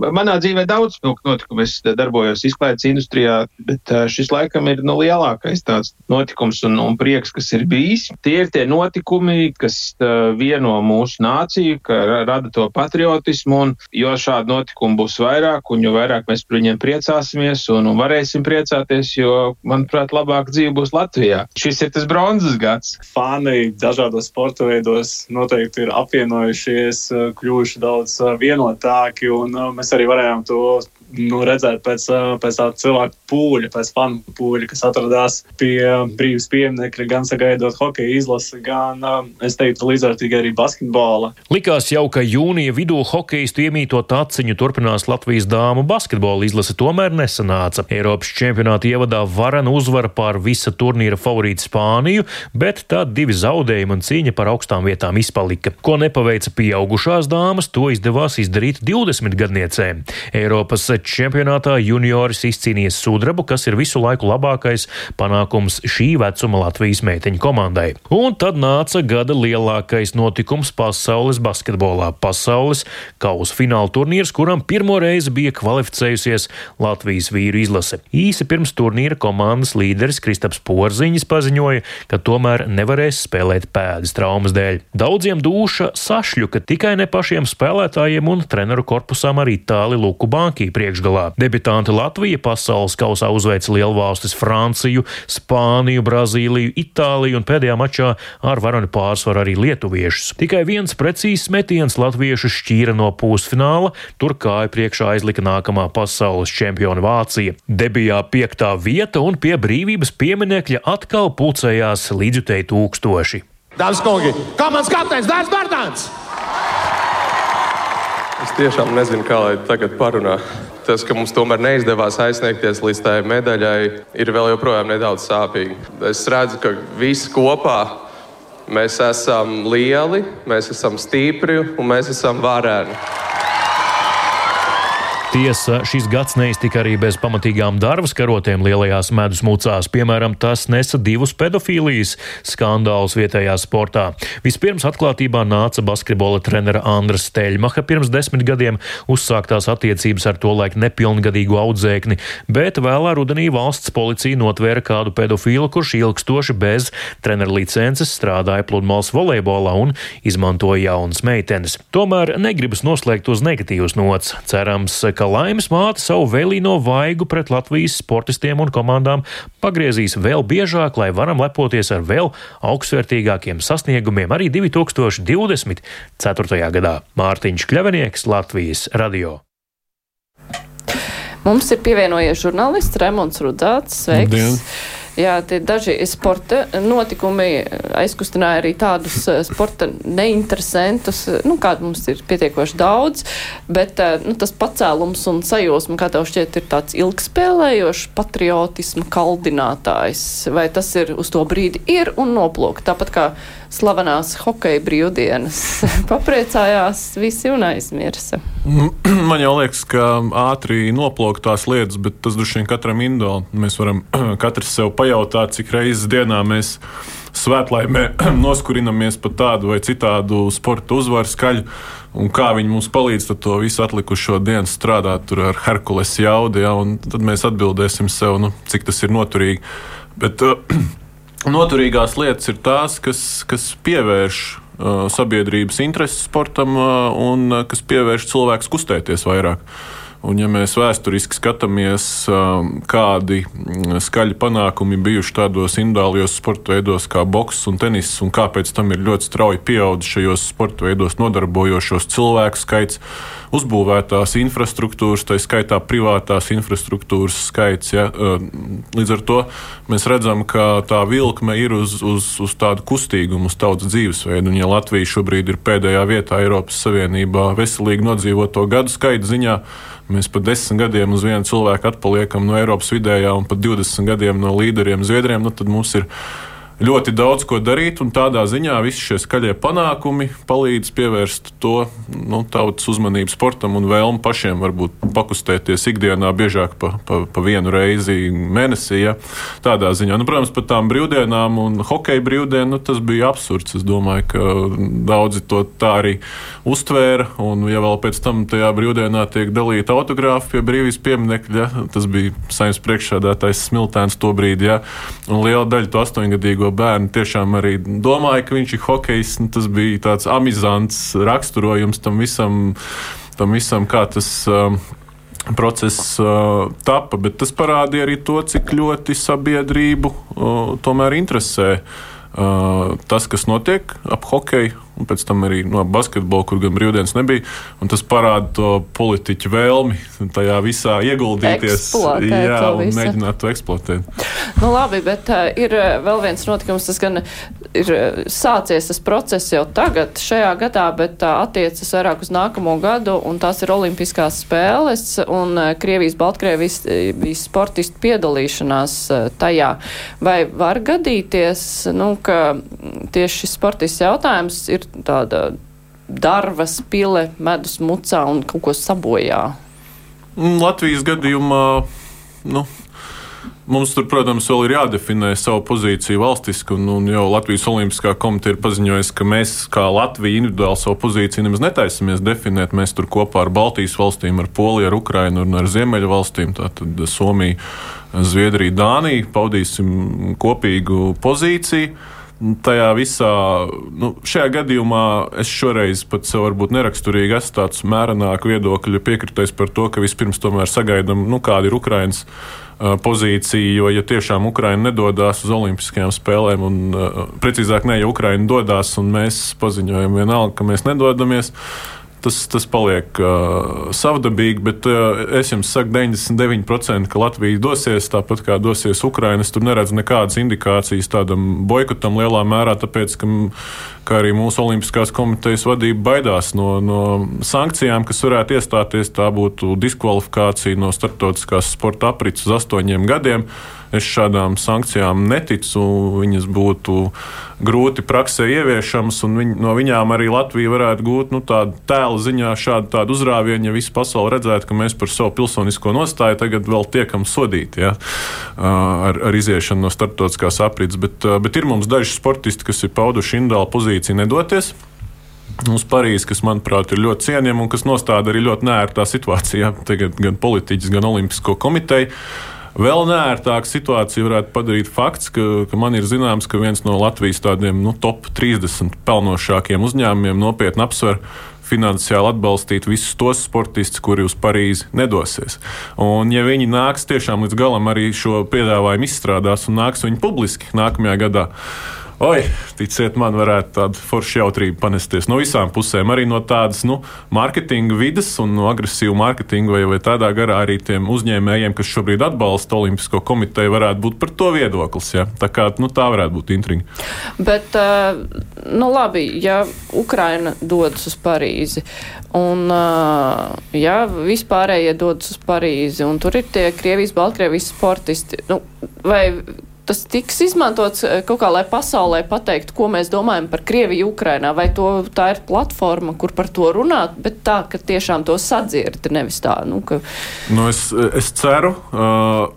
Olimpiskā komiteja sola, ka tas tā būs. Kad es vēl nesen intervēju prezidentu Olimpiskās komitejas, viņš nevarēja pateikt, nu, nevienu pat, pat tādu, nu, ko tad jūs gribat pasaulē pateikt un kā jūs to darīsiet. Nu, par sadzirdēšanu Nu, es to redzu tikai gadījumā, ja mums uh, kvalificējas basketbola izlase, ja brauc Kristaps Porziņš un, un viņš caur saviem saziņas kanāliem par to runā. Ja būsim atklāti vēl bez viņa un Aļonas Ostapenko. Uh, mums Olimpiskajā delegācijā nebūs sportisti, ko kāds pasaulē zina. Bet tā, uh, tā var būt, ka notiek Olimpiskās spēles un vienkārši karš Ukrainā tiek piemirsts. Nepamanīts, nu, tā teikt, sports ir sports pasaules politika ir pasaules politika. Nu, tas atkarīgs no tā, kā reaģēs tās valstis, kas šobrīd ir neapmierinātas vispār ar to starptautiskās olimpiskās komitejas lēmumu, un tādas ir tikai astoņas. Mēs esam viena no tām.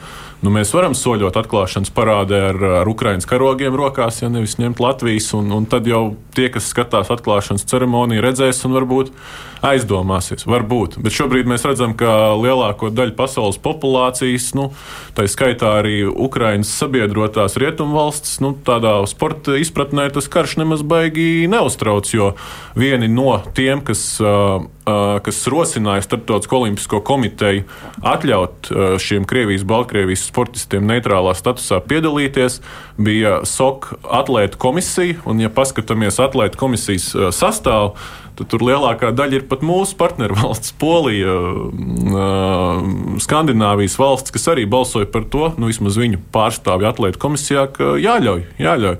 Līdz ar to arī, nu, piemēram, mēs redzam, ka globālie milži, uh, arī uzņēmēju darbības vidē. Nu viens čehu alus brūzis ir nolicis no Startautiskās olimpiskās komitejas sponsorēšanas. Pārējie visi. Hm. Turpinam. Nu, tu tā kā ar tādu bēdīgo noti mums eh, noslēdz šo apskatu, bet uh, varbūt ir eh, kaut kas tāds priecīgs un ar labām cerībām, ko mēs varētu pavērst klausītājiem un skatītājiem. Pāris minūšu laikā varam kaut ko tādu par, iezīmēt. Par 24. gadu. Par sportu vai par vispār? Par jebko. Ne, es domāju, ka mums ir uh, jācer, ka nākamais gads būs, nu, lai cik tas banāli neizklausās, mierīgs nu, un drošs. Nu, tieši ja, ja kādreiz vienmēr ir tie novēlējumi par mieru pasaulē bijuši likušies klišejiski, tad, tad tagad redzot, kas notiek, es, es neredzu nemaz citu, citu novēlējumu. Nu, vēl es varu novēlēt cilvēkiem būt drosmīgiem. Kas jums, kāds jums būtu novēlējums vai cerības par nākamo gadu? Mans novēlējums būtu, lai mēs kā latvieši uzņemties pašiem būt saimnieki savā zemē, daudz vairāk kā iepriekš, būt iniciatīvas bagātiem, atcerēties par latviešu valodu, latviešu vēsturi, latviešu kultūru, identitāti un izmantot to savā lēmumu pieņemšanā par savu dzīvi. Un kā arī valdībai atcerēties, ka mēs esam šeit, lai eh, latviešu mm, nācija varētu tiešām veiksmīgi attīstīties. Ieva, pusminūtē var ko? Tiek pieņemta skaidra lēmuma, lai par viņiem tiek saprotami komunicēts. Jo vienkārši tāds kaut kāda dzīvošana miglā, tas kaitē visiem. Gan uzņēmumiem, gan arī iedzīvotājiem. Ja tu nezini, kas un kā un kāpēc, un tas nenāk pār labu arī pašiem lēmumu pieņēmējiem, ja viņi nezina, ko un kāpēc viņi pieņem. Jā, šis novēlējums lēmumu pieņēmējiem, likumdevējiem, likumu iz, domātāji, nē, lēmēji varai, izpildu varai, bet uh, lai mums tāda laba vara būtu, novēlējums visiem mums. Nu, kaut kā tā apkopoja. Jā. Bet es saku paldies Ievai Strodē no uzņēmuma SKDS, Gundaram Bērziņam no Latvijas Universitātes, Raimondam Rudzātnam, eh, mūsu kolēģim žurnālistiem, kā arī visiem, kuri mums attālināti pievienojās, tuvāk vai tālāk. Viens attālināti un viens bija mūsu studijā. Raidījums tapa kopdarbā ar ziņdienestu kolēģiem, to producēja Ieva Zēze un Sarmīta Kolēta.